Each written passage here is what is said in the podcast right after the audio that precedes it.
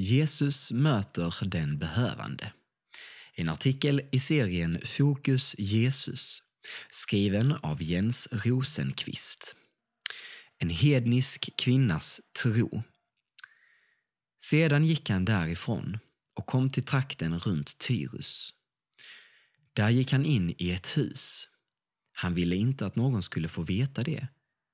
Men det gick inte att hålla hemligt. En kvinna vars dotter hade en oren ande fick höra om honom och hon kom genast och föll ner för hans fötter. Det var en grekisktalande kvinna av syrisk-fenicisk härkomst. Hon bad att Jesus skulle driva ut den onda anden ur hennes dotter. Jesus sade till henne, låt först barnen få äta sig mätta. Det är inte rätt att ta brödet från barnen och kasta det åt hundarna. Hon svarade honom, Herre, även hundarna under bordet äter av barnens smulor. Då sade han till henne, för det svarets skull säger jag dig, gå hem, den onda anden har lämnat din dotter. Och hon gick hem och fann barnet liggande på sängen. Den onda anden var borta. Markus evangeliet kapitel 7, vers 24 till 30. Den syrisk-feniciska kvinnan var nära att mista det dyrbaraste i sitt liv. Hon gick till den enda plats där hon kunde finna en smula hopp. Det hade varit diskussion mellan Jesus och några fariseer och skriftlärda om massa olika regler och föreskrifter.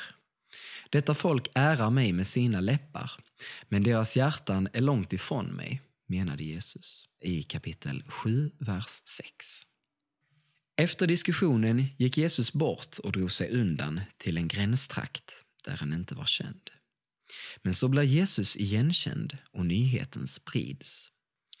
Vi vet inte vad kvinnan hette, om hon var fattig eller rik. Hon var hedning, icke-judisk person. Säkert hade hon provat olika utvägar för att få hjälp. Kanske hade hon anlitat andeutdrivare, genomfört ritualer och offrat till olika avgudar. Ingen hjälp hade hon fått. Hon var mamma och förtvivlad över att inte kunna hjälpa sitt barn. Hennes dotter var besatt av en oren ande. Kanske var hon och familjen socialt isolerade, men det får vi inte veta. Så får hon höra att Jesus finns i trakten. Ryktet om honom och hans godhet har nått även till dessa hedniska områden. Hoppet hos kvinnan väcks och hon ger sig ut för att träffa honom. Hon slänger sig ner framför honom och ber Herre, hjälp mig! Min dotter är svårt besatt. Jesus ger ett lite märkligt svar. Det är inte rätt att ta brödet från barnen och kasta det åt hundarna.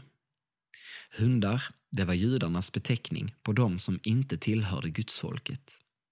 Jesus vill inte tala nedsättande till kvinnan, men visar prioriteringen i Guds frälsningshistoria. Gud börjar med det judiska folket. Kvinnan reagerar oväntat. Hon ger Jesus rätt. Ja, hon är en hund. Hon är inte värdig. Visst, barnen ska ha maten, men det blir ju alltid smulor som faller från bordet. De kan hundarna få. Det räcker för henne. Det finns en underton av glädje i svaret. Om det bara finns smulor så finns det hopp. För det svarets skull säger jag dig, gå hem, den onde anden har lämnat din dotter. Kvinnan blir bönhörd. Hennes längtan, uthållighet och tro förvandlar hennes situation. Hon finner dottern fridfullt sovande där hemma. Var i består hennes tro? Jo, i att hon inte ser någon annan utväg i sin hopplösa situation än Jesus och att hon inte släpper honom. Denna kvinna hade inte massa regler och föreskrifter om hur man skulle vara, utan hon var en syndare som behövde hjälp. Och hon bekände Jesus som sin Herre och godtog hans ord. Hennes hjärta var inte långt från Jesus. Saliga är de som är fattiga i anden, för de tillhör himmelriket. Saliga är de som sörjer, för de ska bli tröstade. Matteusevangeliet kapitel 5, vers 3-4. Tänk att Guds nåd och kärlek är så stor att smulorna är nog. Om det bara finns smulor så finns det hopp.